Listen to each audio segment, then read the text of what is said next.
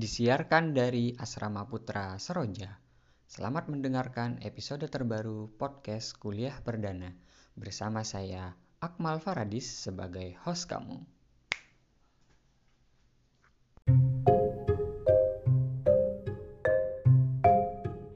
Karena kenapa ya? Karena ada koreksi-koreksi, ada apa beberapa hal yang harus dikoreksi dari kalender Julian oleh oleh Paus Gregorius itu.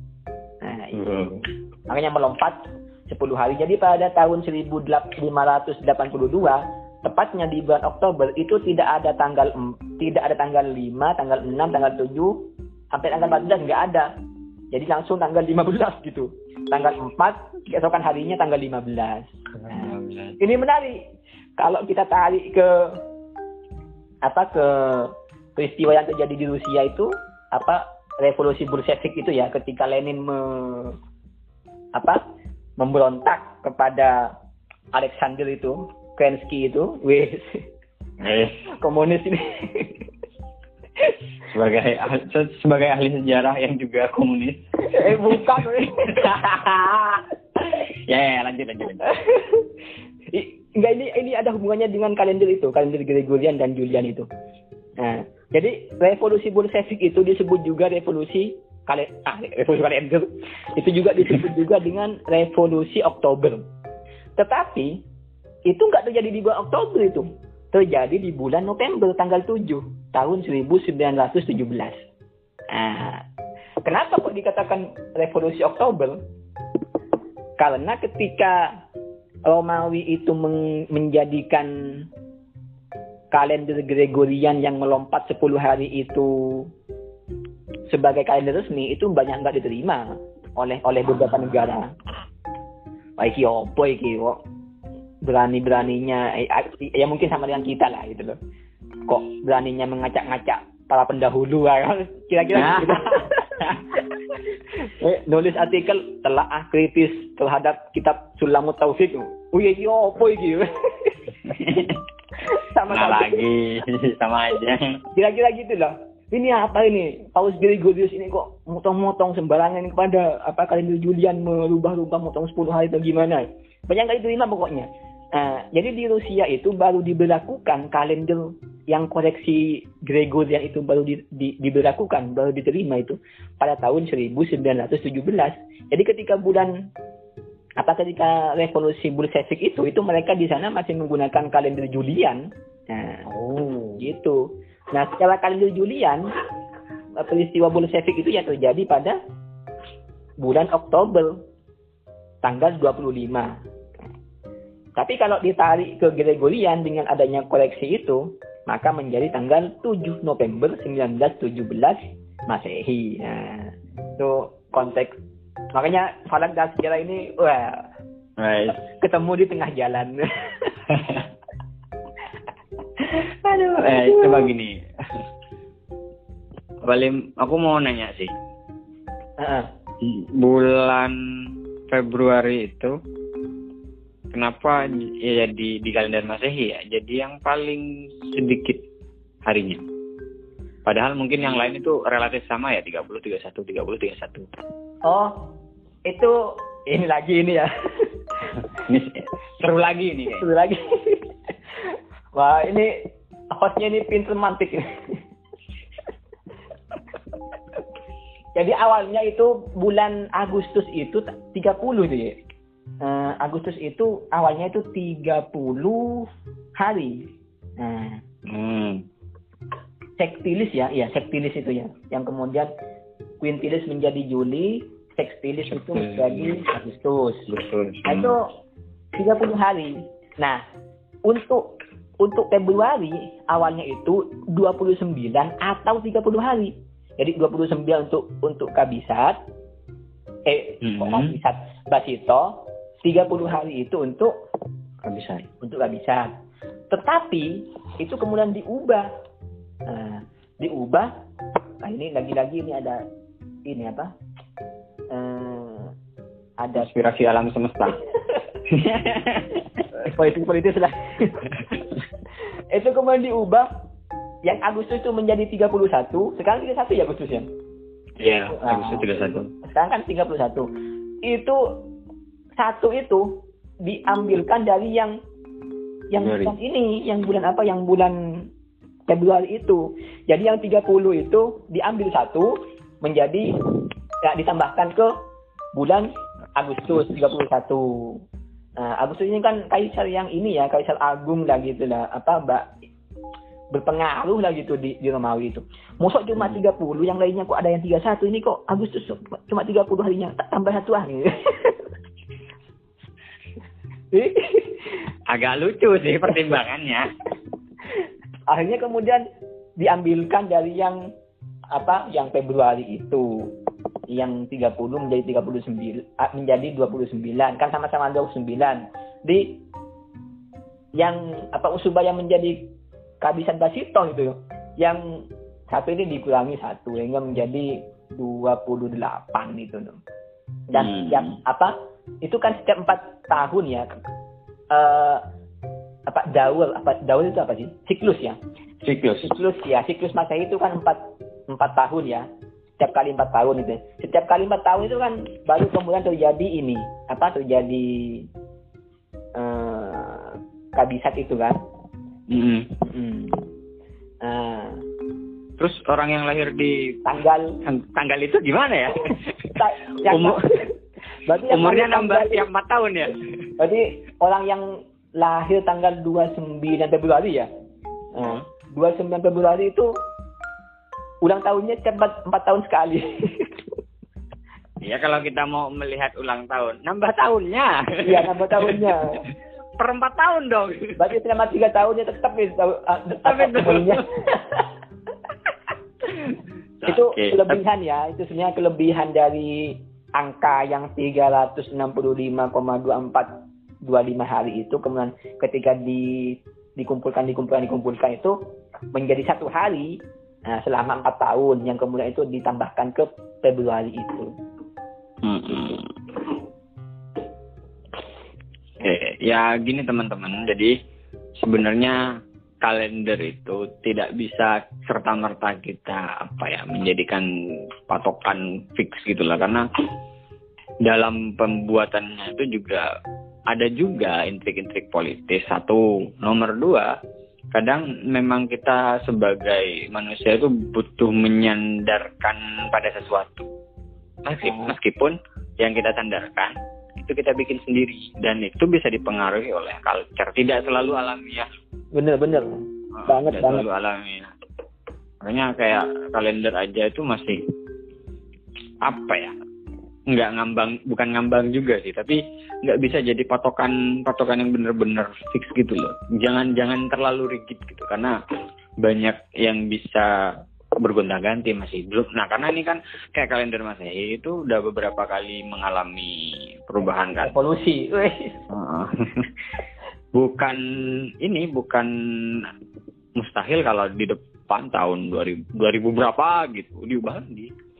Kita nggak tahu kita nggak tahu sama kayak inilah time time zone ya pemilihan kenapa kenapa nol apa awal permulaan waktu itu yeah. di green di Greenwich ya juga politis sebenarnya. Nah, benar. Nah, nah, kalau misalkan kita mengacu pada apa faktor uh, tengah bumi itu mungkin malah lebih pas yang apa istiwa ya atau istiwa nggak sih?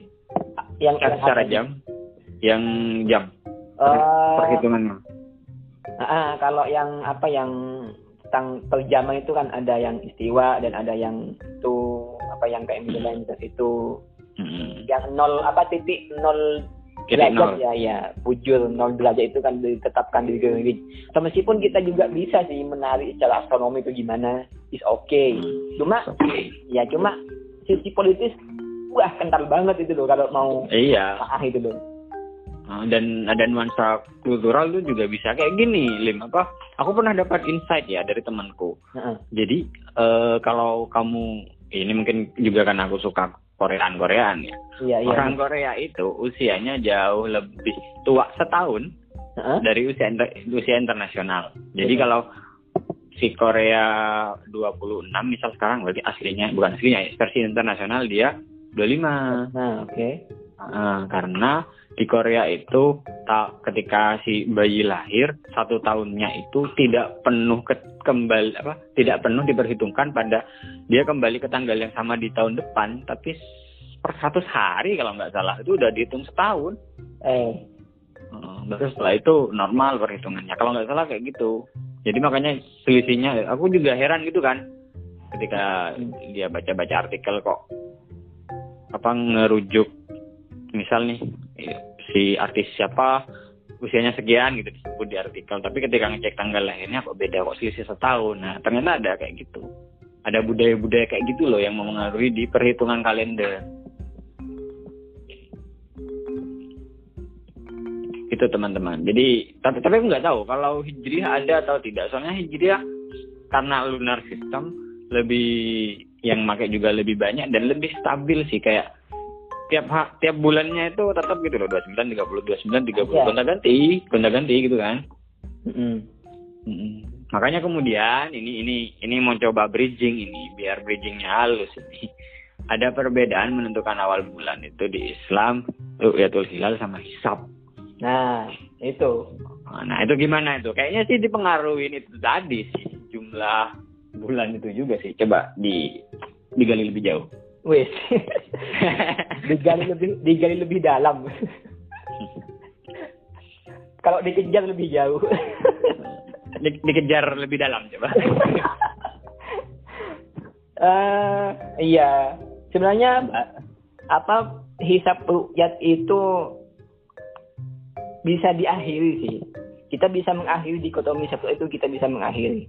Karena uh, dikotomi satu itu terjadi ketika kita dihadapkan kepada masalah ritual ibadah. Nah, ah. buktinya yaitu Ramadan, Syawal, atau atau awal awal baru awal bulan baru ya awal tahun baru di Muharramnya itu tak satu malam itu kapan? Uh. Nah artinya dikotomi satu itu kental ketika kita dihadapkan kepada ritual ibadah. Nah dari ini sebenarnya bisa apa bisa ditelaah ya lebih lebih lanjut gitu. Kalau kita bisa mendudukkan keduanya itu, maka ya hisab dan itu bisa duduk satu meja ngopi. Mencatur.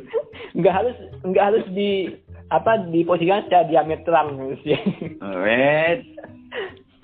kan gini, kalau kita merujuk kepada awal bulan dalam uh, Islam itu ya kita kalau mau merujuk, me, apa berbicara awal bulan dan itu dikaitkan dengan Islam maka tuntunannya itu kan ada di hadis ya yang fa'in alaikum itu yang sumu liyatihi wa aftir liyatihi dengan ada ada gitu kan. Nah kemudian fa'in alaikum kata Rasulullah ketika langit ini bermasalah gitu loh. Itu kan hadisnya, hadisnya itu ada dua. Ada yang fakmilun indata salasina, sempurnakan bulan itu menjadi 30 hari, dan ada yang hmm. fakduru lahu, kira-kirakan. Nah gitu.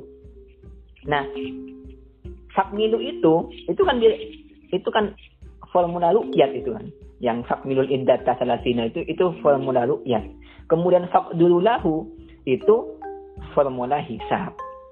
Nah, hisab itu digunakan ya non ibadah atau pada kalender sipil gitu loh. Nah kalender kalender hijriah yang kita pakai itu hisab semua loh, nggak ada kalender satu tahun hijriah itu yang rukyat. Wah siapa yang mau buat kalender kalau kalau kalender sipil atau kalender kita sehari-hari yang hijriah itu didasarkan pada rukyat. kan kalendernya tiap bulan kan? capek bosku nah, gitu nah baru kemudian ketika kalender ini dibawa ke ranah ritual ibadah itu baru kemudian berlaku yang pertama itu fakbidul indata salatina yauman itu formula rukyat berlaku ya gampangnya Ramadan, Syawal, ya itu baru itu kemudian berlaku. Kalau kalender sipil itu pakai hisap semua, nggak ada baik NU, Muhammadiyah siapa itu pakai pakai hisap semua. Karena nggak akan ada kalender hijriyah satu tahun jika menggunakan rukyat. Nah, gitu.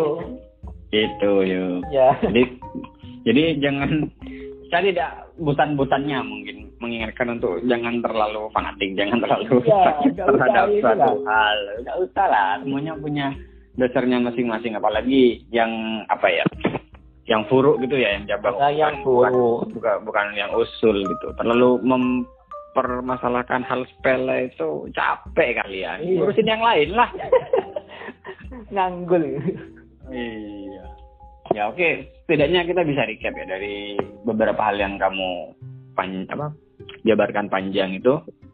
Kalau falak ini memiliki banyak relevansi pada sejarah, pada hukum Islam, berkaitan dengan ritual dan segala macam. Jadi saya rasa teman-teman juga nangkap sih relevansinya. Mungkin tidak harus semua orang menjadi ahli dalam ilmu falak ya, tapi paling tidak mengetahui bahwa untuk menentukan tanggal misalkan itu ada dasar-dasarnya, ada perhitungannya gitu. Jadi mem memperhatik apa memperhatikan falak sebagai mungkin bukan pusat, tapi sebagai hal penting dalam fikih misalkan itu juga perlu. Hmm. Nah, benar, dalam sejarah juga seperti itu. Nah, sebenarnya kalau kamu membahasakan lebih ringkas, sebenarnya disiplin falak ini arahnya ke mana aja sih Be bedanya dengan astronomi itu gimana karena mungkin kan tidak semuanya tahu term atau istilah falak gitu ya iya iya iya benar-benar falak dalam uh, definisi atau gambaran simpelnya gitu gimana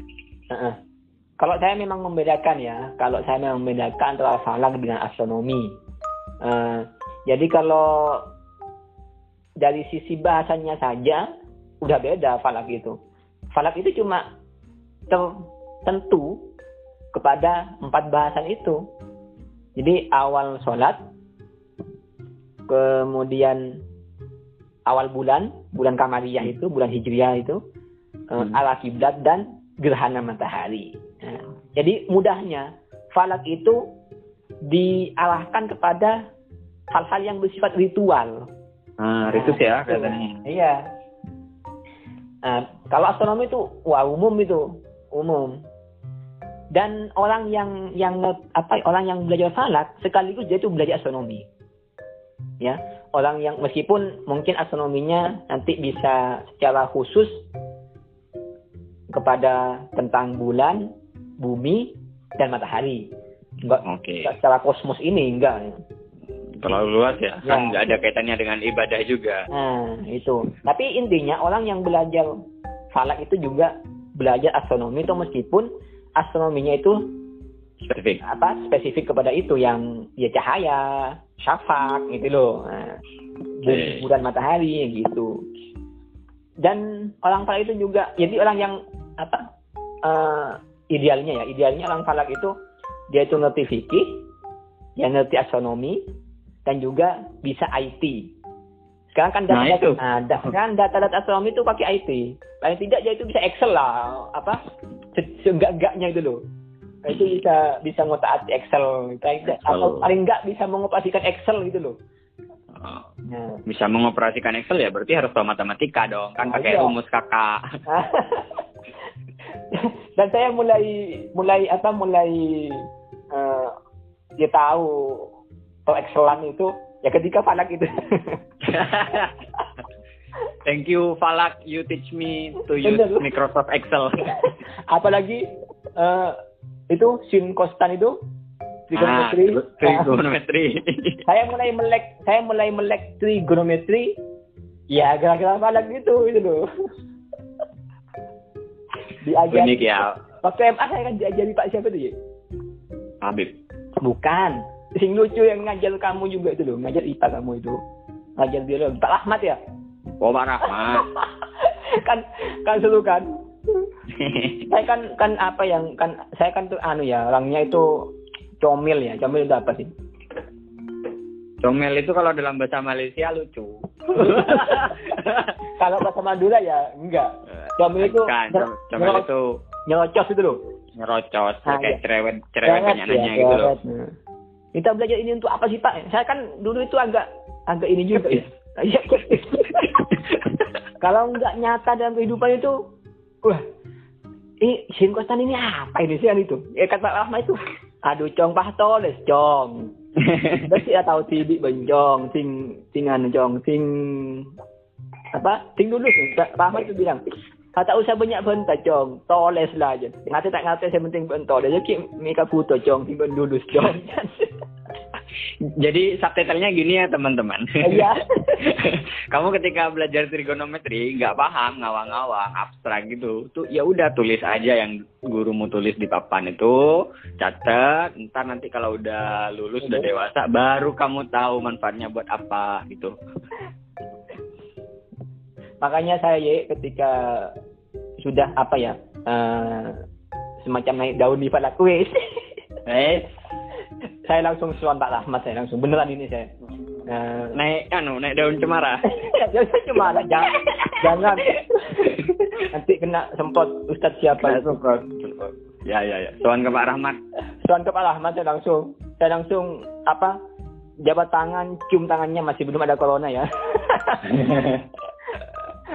saya langsung berterima kasih. Ya Allah Pak. Terbukti apa kata-kata hampian dulu Pak. Apa apa Jom? Apa Jom?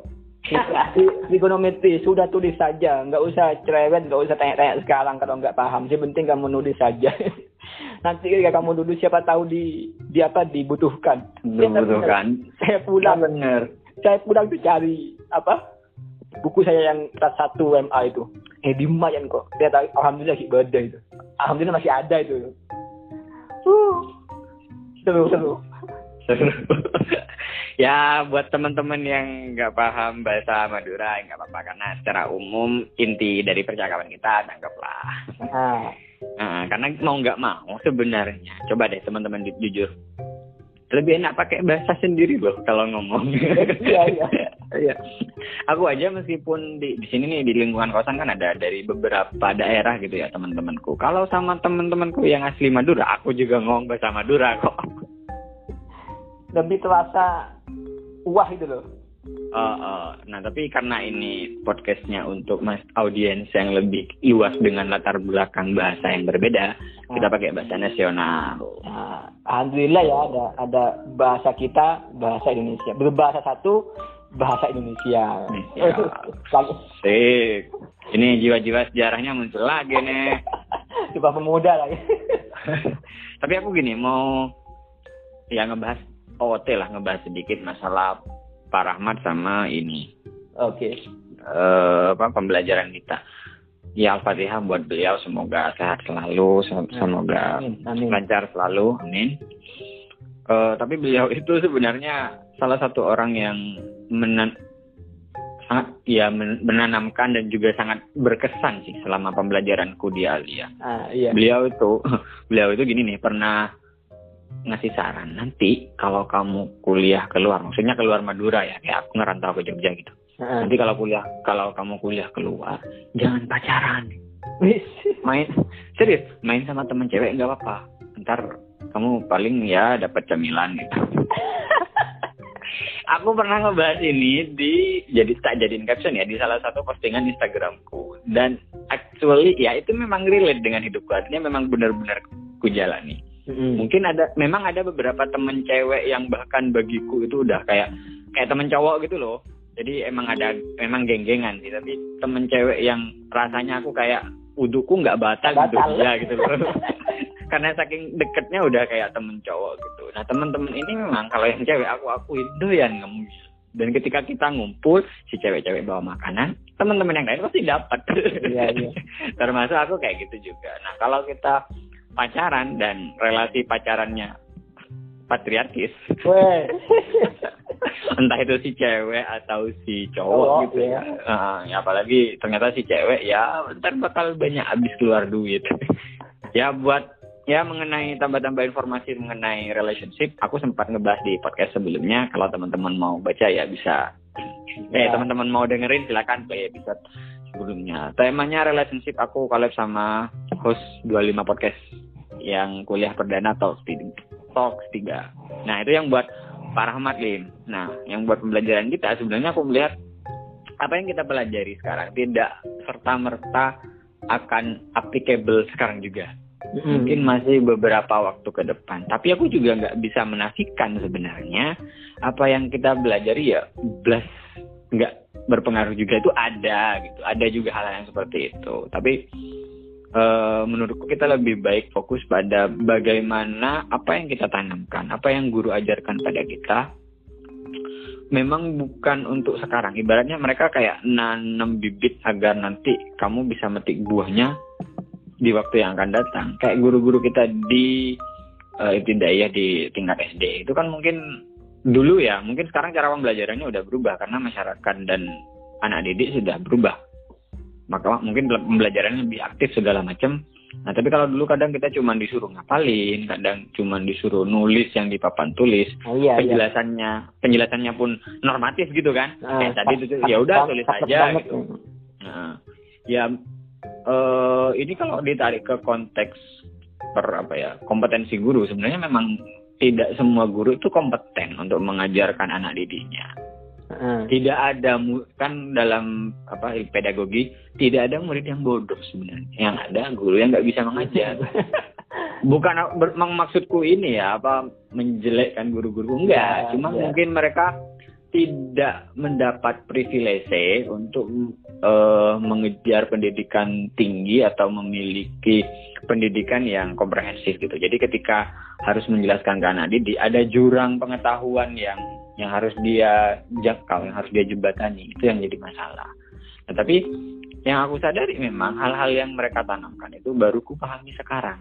Either karena beliau memang kurang bisa menjelaskan atau tidak kontekstual di masa waktu itu tapi kontekstualnya sekarang ya gitu. bener bener bener nah itu saya rasakan itu nah, uh, ya jadi buat teman-teman tetap jaga baik hubungan dengan guru ya kalau ya. kalau bisa coba kirim fatihah gitu karena guru-guru kita itu apalagi guru bagi yang muslim ya guru ada istilah ini kan guru alif guru yang mengajari kita pertama kali membaca Al-Quran itu juga harus di soani dikirimi doa gitu karena Ya mungkin sekarang kita bisa sih untuk memperbandingkan bagaimana metode belajar, cuman apa yang guru kita tanamkan itu tidak cuma knowledge dulu, tapi juga wisdom.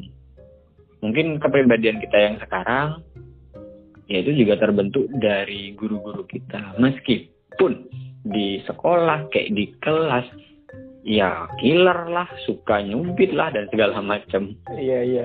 Uh, ya, cara membentuk karakter anak ya based on di lingkungan itu juga mungkin uh, waktu itu bagi hal seperti itulah yang pas buat kita ya kan? Coba buktinya sekarang anak-anak pada pinter-pinter tapi rasa sopan santunnya kepada guru kurang. Nah, nah iya kan? Dikit-dikit lapor polisi. Padahal yang nakal anaknya. Dikit-dikit ham. Ham. Apa sih gitu? Ya tapi itu biar tidak terlalu melenceng lah aku jurusan ilmu perpustakaan kok bicaranya pendidikan ya? Sebenarnya agak-agak suka juga sih pak pendidikan. Karena orang tua aku juga memiliki concern di pendidikan. Hmm. jadi mau nggak mau nggak mau ada ya dikit-dikit lah yang membaca. Oke kembali lagi ke falak. Karena tadi melebar. Jadi falak itu teman-teman memang punya irisan yang unik ya, entah itu dengan astronomi, dengan sejarah, dengan fikih, kemudian dengan matematika.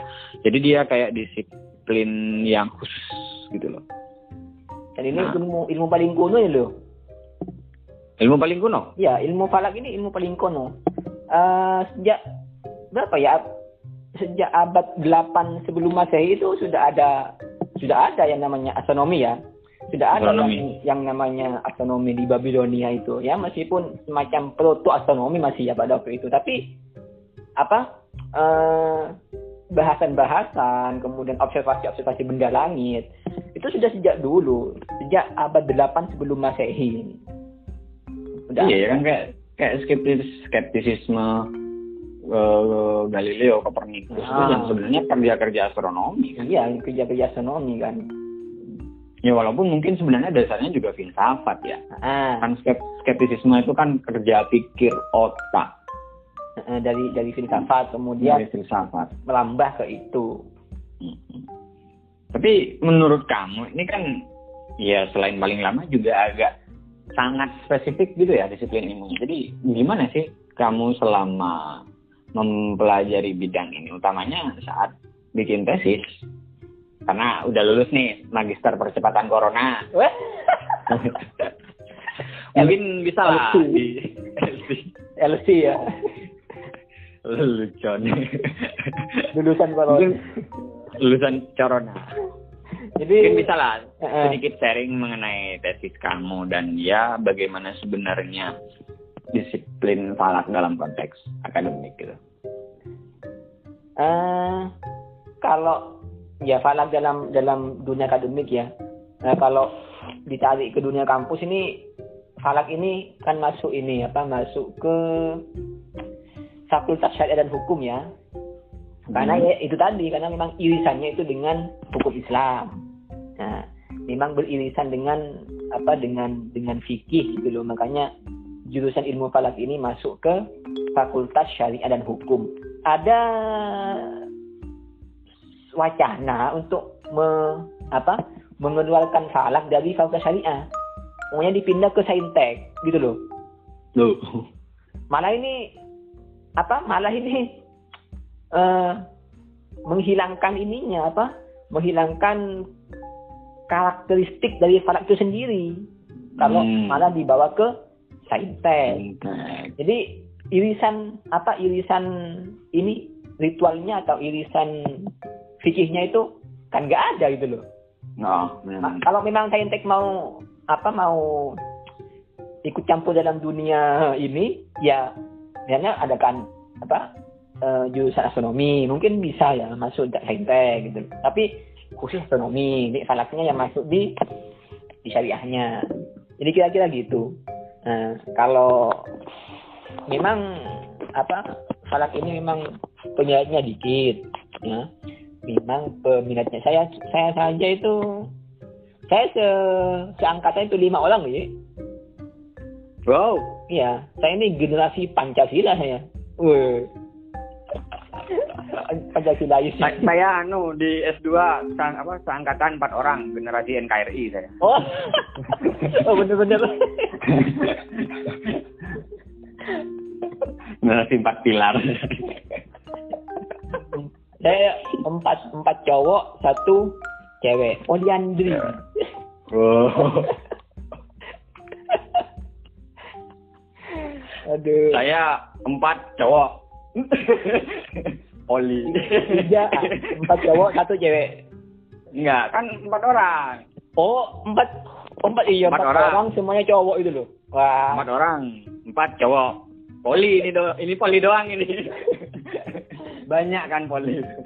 bener eh kalau tadi saya ngambil ini sih saya itu penelitian lapangan di Sumeneb itu di Kecamatan Ganding ya di pesantren Al Kalawi itu tentang apa awal pasar dan telasan ya pasar itu puasa ya bahasa Madura itu Hmm. telasan itu eh, Idul Fitri. lebaran ya lebaran Nah, Iya, Idul Fitri atau iya, Idul Adha. ya. apa foto ya kalau di di an- Rioyo Riroyo. tahu foto foto Nah, saya itu me- menganalisis eh hisab apa awal pasar dan telasan di pondok pesantren itu karena memang sering kali berbeda dengan pemerintah gitu ya. Bisa sampai dua hari satu sampai dua hari tapi dua harinya enggak enggak apa enggak sering. Yang sering itu yang satu hari bedanya. Kalau yang dua hari itu saya men-tracking selama 10 tahun itu ada perbedaan dua hari dengan pemerintah itu selama dua tahun ya. Atau dua Anu. dua dua Ramadan dua kali Ramadan selama 10 tahun itu berbeda satu ah berbeda dua hari dengan pemerintah.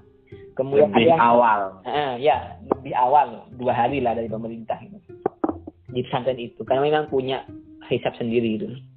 Ya saya menganalisis dari sisi astronominya karena bagaimanapun juga di falak itu harus ada astronominya. Eh, Hmm. kemudian saya menganalisis dari sisi hukum Islamnya karena bagaimanapun juga yang namanya falak itu beririsan dengan hukum Islam dan juga ada di bawah naungan Fakultas Syariah dan Hukum. Dan juga saya menganalisis dari sisi sosiologisnya. Sosialis ya. Sosiologis lah sosialis. Ya karena ya saya itu tadi saya kan senangnya di ini ya apa di kebudayaan kebudayaan di sosial sosial di, apa fenomena fenomena sosial. Fenomena uh. sosial yang berkaitan dengan agama. Itu kan seru dibahas itu kan seru gitu loh. Nah saya bahas dari tiga sisi itu. Astronomis hukum Islam dan sosiologis. Ya kalau astronomisnya terkait dengan hisap yang digunakan itu pakai hisap apa? Di kesimpulan saya itu di sana itu pakai hisap onfi jadi ada apa ada klasifikasi hisap ya dalam ilmu falak dengan berbagai kriteria. Saya mencoba menganalisis itu. Ternyata setelah dengan teori-teori yang saya gunakan data ini masuk ke hisap onfi dengan tentunya hisap onfi itu dengan kriteria yang apa dengan apa uh, akurasi yang sangat rendah ya. Nah jadi maklum ada perbedaan sampai dua hari itu atau satu hari ya karena memang saya fee dengan akurasi yang rendah. Kemudian hukum Islamnya, nah ini hukum Islamnya ini seru. Nah, di sana itu di Gending itu dekat ke kamu itu loh, Gending itu. Iya. Atau kamu ikut Tapi, ikutan ikutan sana juga? enggak, saya ikut pemerintah aja biar gampang. Oh, iya, pemerintah. Nah kalau hukum Islamnya itu ya apa, apa saya sisi fikihnya sah bagi saya apa yang yang mereka lakukan bukan bagi saya ya. Ya dari analisis saya itu loh. Dari hmm. analisis saya dengan teori-teori fikih ya sah. Kenapa? Karena dari wawancara atau data yang saya kumpulkan itu digunakan untuk pribadi.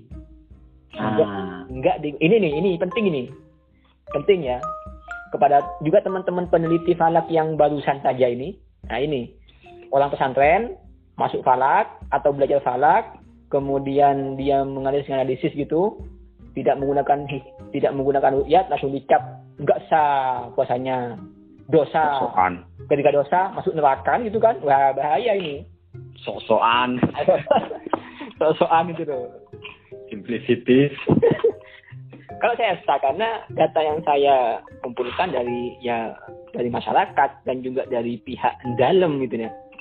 Itu murni dilakukan atau dipraktekkan untuk pribadi. Nggak mengajak-ngajak. Karena saya juga me, apa di kala itu kiainya itu juga tahu bahwa e, kiai itu nggak punya otoritas dalam mengajak masyarakat atau mengikhbarkan mengabarkan itu. Itu otoritas pemerintah. Hmm. kalau awak EDW ya popo saya mau berbeda lima hari dengan pemerintah nggak apa-apa. Yang penting telasan tibi khutbah khutbah tibi imam tibi bilal tibi gitu. Takbir ketibian jadi anu ya romanah itu. uh, apa bertanggung jawab gitu ya. Hmm. mau beda dengan pemerintah apa idul fitrinya lebih awal ya udah jalanin aja sendiri. Iya sendiri aja. Keseluruhan ritusnya.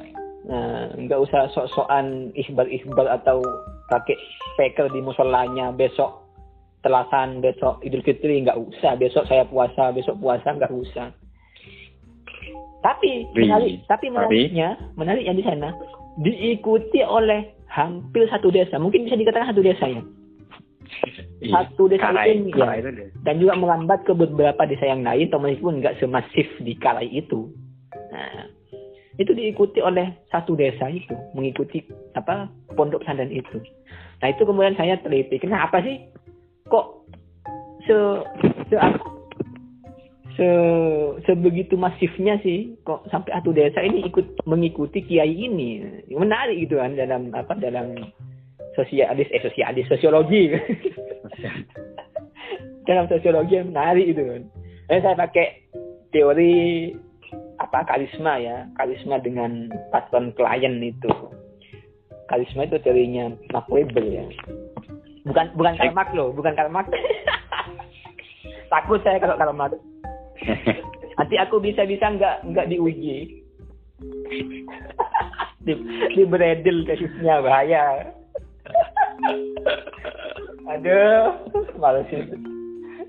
Nafis ya itu akhirnya saya pakai teori karisma dengan teori patron klien itu. Ya eh, juga konsultasi dengan dosen saya pada apa awal data itu apa ya? Data awal itu ya. Proposal itu saya menemukan fenomena gini gini gini pak. Eh, menurut info gini gini. Gini oh ini enaknya ini pakai teori karisma gitu. Atau patron klien. Akhirnya saya pakai dua itu aja itu. Patron klien dengan karisma itu. Ya. Berarti apa ini? Apakah pondok pesantren Karai Al Karawi itu menerapkan falak kiri? falak kiri. ya jadi kan munculnya term apa pak kanan dan kiri itu kalau nggak salah di apa Eropa dulu ya jadi iya. kanan iya. itu orang-orang yang pro pada kerajaan ya pemerintah kerajaan. sementara uh, yang kiri itu yang melawan yang oh.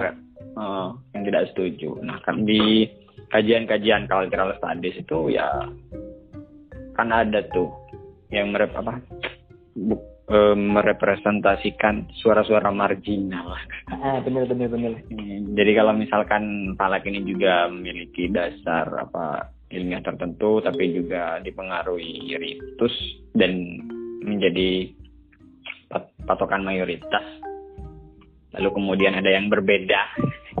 Apakah tidak termasuk salah kiri? yang, yang, uh, yang marginal melawan yang dominan. Yang dominan. ini ini an apa? Kita petakan dulu ini. Paling tidak mana perolerannya dan mana bojuisnya. kalau kalau anu apa kalau dipetakan seperti itu saya ini bisa masuk ke bojuis saya karena beberapa kali saya pernah ikut ini terlibat dengan ini ya enggak selama selama kita ini ya gampangnya selama kita dapat beasiswa orang tua untuk kuliah lanjut kita burjois kok. Iya. Burjois. Burjois bukan burjois. Bener. Burjois. Burjois itu penikmat burjois. burjois itu ya orang-orang kaya. Karena kan orang-orang ini aja kayak pemikir-pemikir Eropa ya memang backgroundnya juga berjuis walaupun dia ah pro proletar mungkin seperti itu. Karena orang-orang yang jadi ya, yang concern pada pendidikan itu kebanyakan ya tidak semua. Orang-orang yang memiliki privilege privilege-nya banyak. Hmm. kan dia udah mapan di keluarganya hmm. jadi mak makan nggak masalah biaya pendidikan ditanggung gitu ikut ulas-ulas apa gitu akses informasinya banyak gitu. Ya itu kan privilege. Privilege itu punya orang-orang berjuis tapi bukan berarti proletar tidak bisa pintar juga. Enggak gitu. Tapi memang kebanyakan seperti itu. Pak Cokro itu kan juga boleh Joyce dulunya. Iya Pak Cokro Minoto. Dia anak apa bupati anak anak bupati ya dia itu ya. Bupati. Nah. agak era era ini Ponorogo. Itu tapi kemudian dia kan bunuh diri kelas kemudian. Wih. ah, istilahnya. Bunuh diri kelas menjadi buruh itu loh. Menjadi buruh. Lompat kelas. Ya, iya berpihak ke ini rakyat itulah. Oke. Jadi gimana? Al Karawi palak kiri? Enggak, enggak, enggak sampai ke enggak sampai ke situ lah. ya, ya. Sentilan ini, sentilan, sentilan aja. Sentilan aja. Oke. Okay. Al Karawi itu biasa saja. Saya meneliti itu biasa saja. Itu apa hisapnya hisap yang mereka gunakan dan memang dibuat oleh dikreasi oleh apa oleh kiainya di sana itu Kiai Mandasan ya. Dikreasi oleh beliau itu itu falak-falak yang biasa-biasa aja. Uh, apa di ketika dikaji secara ilmiah kita menemukan entry pointnya gitu loh. Nah di Madura kan cakal kan? Itu apa? Hmm. uh, hisap kara itu di Madura itu itu sakral itu sakral bagi mereka. Tapi bagi saya enggak ilmiah biasa aja ini. Dan banyak kok yang seperti itu gitu loh. Bisa dianalisis secara ilmiah itu bisa. Tuh siap. Oke. Okay. um, sebenarnya untuk time ini udah sejam lebih loh. Oh iya, satu tiga tujuh, Iya, kita udah mengobrol satu jam tiga puluh menit. Mungkin ini lah untuk apa bahasan akhir cerita sedikit lah pengalaman kamu ketika kayak ikut Ruyatul Hilal sama sidang isbat gitu. Selama nggak terjebak sih, tapi tapi kecipratan proyek-proyek pala gitu gimana?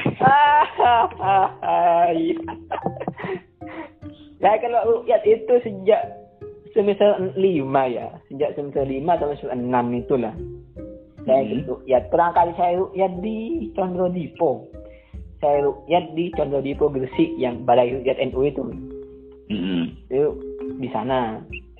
Rukyatnya di Gresik itu bersama teman-teman Lajnah Falakiyah itu. Karena pada saat itu saya menjadi koordinator ini.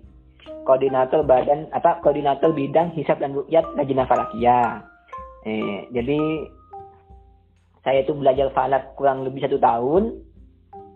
Ya satu tahunan lah saya belajar falak itu. Kemudian hmm. langsung saya diangkat jadi ini jadi apa pengurus di falak Anokoya itu sebagai koordinator hisab dan rukyat. Nah itu nah itu dan ya alhamdulillah lah eh, apa eh, saya dengan teman-teman ya buat gebrakan-gebrakan baru wes. Wes bila Jina Falakia gitu. Uh, satu tahun kemudian saya itu menjadi ketuanya. Nah, anu kali, kali, kali saya di Falak ini cepat ya. Wih, sok-sokan. Iya benar, belajar satu tahun, kurang lebih satu tahun saya belajar falak, tapi inten loh, saya tuh belajarnya inten memang gitu. Nah, kemudian saya jadi badan hisab siapa koordinator hisab, bidang hisab ya di lembaga falakia Anungkoya itu. Kemudian satu tahun berikutnya saya didapuk menjadi wah didapuk bahasanya. Didapuk, mantap. Didapuk menjadi ketua Falakia di Anukoya. Terus lama-lama sampai saya apa ikut itu masuk ke LF NU Jatim ya, LF NU Jatim mm. itu. Kalau sidang isbat saya itu ikut uh, semester 3 ya, semester 3 ini. S2 itu. Ya, tahun mm -hmm. 2009 ini palingnya, 2009-an itu. Saya ikut sidang isbat ke Kemenak RI sana. Ya, alhamdulillah dengan teman-teman juga dan yang barusan tahun 2020 saya ngikutin via ini via online online ya gara-gara ini covid gara-gara covid ini Kopet itu teman-teman, kalau dalam bahasa Madura berarti dijewer. Jewer ya. Iya, corona virus disease ini udah terlalu lama. Coba aja bentukannya orang, udah kita jewer bareng-bareng kayaknya. Dan alhamdulillah ya saya bisa ngikutin sidang Isma itu. Ah, itu itu apa? Merupakan puncak bagi saya ya selama dalam apa aktivitas falak itu saya hmm. pengen itu pengen ngikutin sidang isbat gitu. Koyo oh, apa sih sidang isbat itu? Cuma kalau sidangnya itu tertutup ya. Kalau sidangnya tertutup, yang terbuka itu sebelum pra pra sidang karena ada penjabaran itu. Hmm. Dan juga pasca. Ya kon, apa itu ya. Oh, konferensinya itu. Konferensinya Nah, itu baru kemudian yeah. terbuka untuk umum. Kalau sidangnya enggak, itu nggak apa maksudnya nggak bisa nggak masuk TV gitu loh gampangnya. Tidak tidak disiarkan secara umum ya. secara langsung cuma kita kita aja yang ada di dalam itu. Iya. Tapi mungkin anu lah mimpi anda nanti di dipertinggi lagi.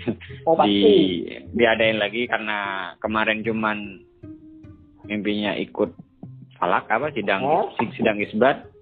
Kawan-kawan harus mimpin lah. Oh iya. Apalagi ini kok sudah deket sih masanya sih asik. Karena Fahrul Razi dengan Fathul Razi itu itu mungkin ini ya apa eh, nggak uh, tahu mungkin gimana malaikat itu nulisnya mungkin ya. Ini kayak eh, apa Pak Jokowi itu Fathul Razi yang Semalang itu kayak gitu kayak eh oh. ah ini malaikat sih kayak eh masalah. Apa eh, atau gimana magister falak cocok logi ya nggak apa-apa lah for apa? Rosi for Menteri Agama 2045 kan kan seandainya jadi ke saya kan anu apa duet dengan Prof Mahfud oh no sama-sama oh, iya. gitu loh Ya nggak apa-apa, biar biar tiap kabinet ada perwakilan Maduranya. Oh bisa. Bisa. Lebih gila kalau lagi pula kalau kamu berangkat sekarang kayaknya belum punya background politik. malah malah di, di, bisa disikut nanti di sana saya. Iya. Nah, belum Wah ini koi ini sosialis koi ini bahaya ini. Oh ya, ini buat coba buat gambaran. Mungkin teman-teman agak ngawang sebenarnya kayak Ruyatul Hilal itu itu aktivitasnya ngapain sih? Jadi kayak teman-teman datang gitu ke suatu tempat yang mungkin tinggi buat ngamatin bulan baru, terus ada teropong segala macem gitu apa aja yang dicek, yang di harus dilihat gitu, pengukuran pengukurannya gimana? Mungkin secara singkat. Uh, itu kan dilakukan tanggal 29 di bulan Dzulhijjah, ah, bulan Dzulhijjah, bulan Hijriah ya. Setiap tanggal Ramadan. ya tanggal 29 di bulan Hijriah, baik Ramadan, oh, bulan, ah, Ramadan ataupun Rajab, ah, benar. Atau bulan lainnya. Ya kita persiapannya kira-kira jam 4 kita sudah siap-siap karena rukyat itu harus dilakukan terbenam matahari. Urubus Syams itu ya ketika sunset kita baru memulai aktivitas, baru, memulai ini apa observasi bulan gitu. Juga termasuk nggak sembarang tempat itu bisa jadi bisa kita jadikan basis untuk merukyat atau mengobservasi hilal ya. Tapi ada semacam apa uh, uji kelayakan, nah istilahnya ini uji kelayakan tempat rukyat. Nah, jadi sebelumnya di, di apa di, di diuji dulu ini layak enggak dijadikan ru'yatul hilal azimutnya ke kanan berapa ke kiri berapa ya ke utara berapa atau ke selatan berapa itu kan harus ada ini apa ada ada kriteria-kriteria yang di diterapkan itulah cuacanya hmm. gimana ketinggiannya gimana posisi terhadap ufuk itu bagaimana nah, gitu itu okay. ya hilal lah nah Berarti sidang isbat ya membahas dan memutuskan dari apa hasil ruyatnya itu berarti? Nah iya, itu dilaporkan disumpah dulu oleh di tempat ruyat itu sudah hakim sudah siap-siap, ya sudah ada hakimnya.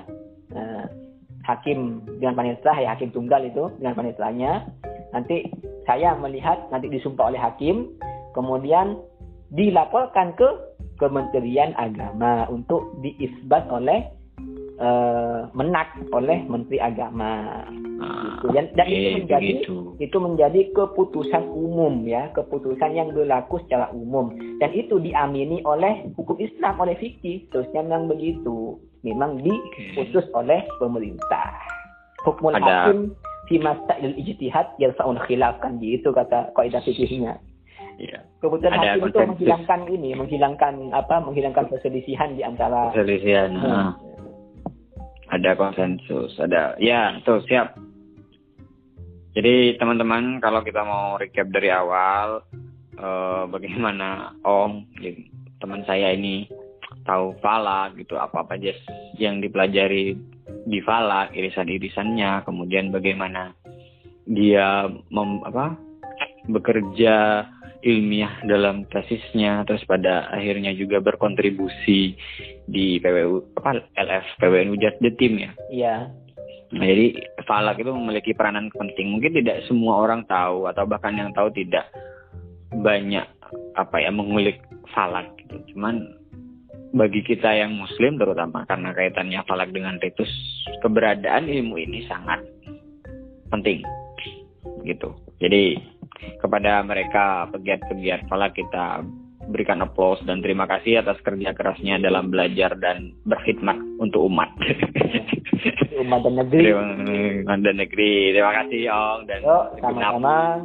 Ya gitu. Jadi oke okay, kita bisa mungkin akhiri ya sesi kali ini. Memang agak panjang mungkin ya gimana ya kayak aku sih memposisikannya kayak ngobrol biasa. Aku sering sama Ong, iya serius sering sama Ong ini ngobrol panjang gitu. Entah temanya apa ya. Kadang juga urus, urusan akademik, urusan personal gitu. Nah, iya. Kajian-kajian, kajian ilmiah memang sering panjang gitu. Sering pasti lebih dari satu jam. Gitu. Bener-bener. Anu Jadi, keasikan sih. Iya, seru banget sih. Seru. Jadi terbawa tuh vibe-nya udah kebangun di situ. Bahkan kemarin terakhir yang panjang itu kalau aku nggak salah nih pas Idul Fitri nggak sih? Idul Fitri nggak sih? Kira-kira ya, mungkin. Iya pas Idul Fitri, kayaknya pas Idul Fitri gitu tanggal satu Syawal.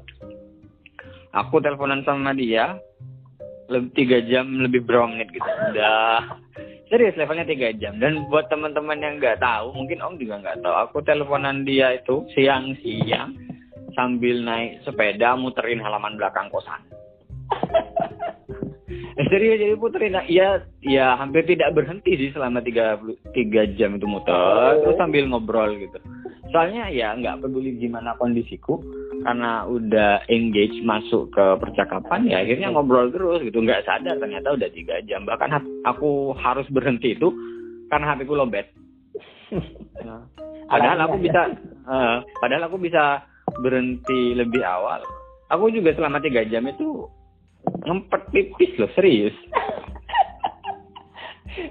Dalang itu enggak enggak kan cuma langsung tuh dalang itu.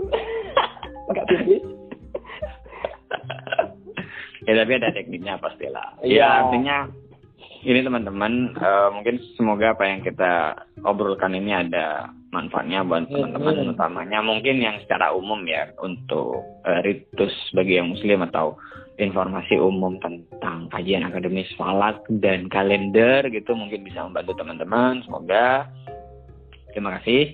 Bagi yang sudah mendengarkan saya Akmal Faradis sebagai host undur diri dan Fathur Razi sebagai tamu. Ada yang mau disampaikan?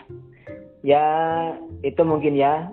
Hmm, bagi kita semua dalam sekalian lah saya anu apa tentang tentang apa kebersamaan kita dalam berhari raya dan berpuasa itu hendaknya mari kita mengikuti uh, keputusan dari pemerintah baik yang hmm. ahli baik yang ahli falak maupun apalagi nggak ahli falak yang ahli yang tahu apalagi yang nggak ahli dan nggak tahu itu loh sudah jangan kual-kual terus di medsos besok hari raya besok apa wes kita semuanya pasrahkan dan kita taslim kepada pemerintah. pemerintah.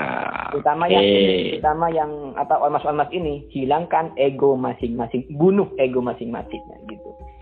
Sampingkan ego sektoral. Sampingkan ego sektoral. Insya Allah kita akan melajut kebersamaan, bisa melajut kebersamaan. Ya, itu mungkin. Ya, yeah. so see you in next episode. Oke, terima kasih. Selamat malam, selamat beristirahat. Assalamualaikum. Waalaikumsalam warahmatullahi wabarakatuh. Oi, rekamannya nanti dikirim loh. Oh, siap.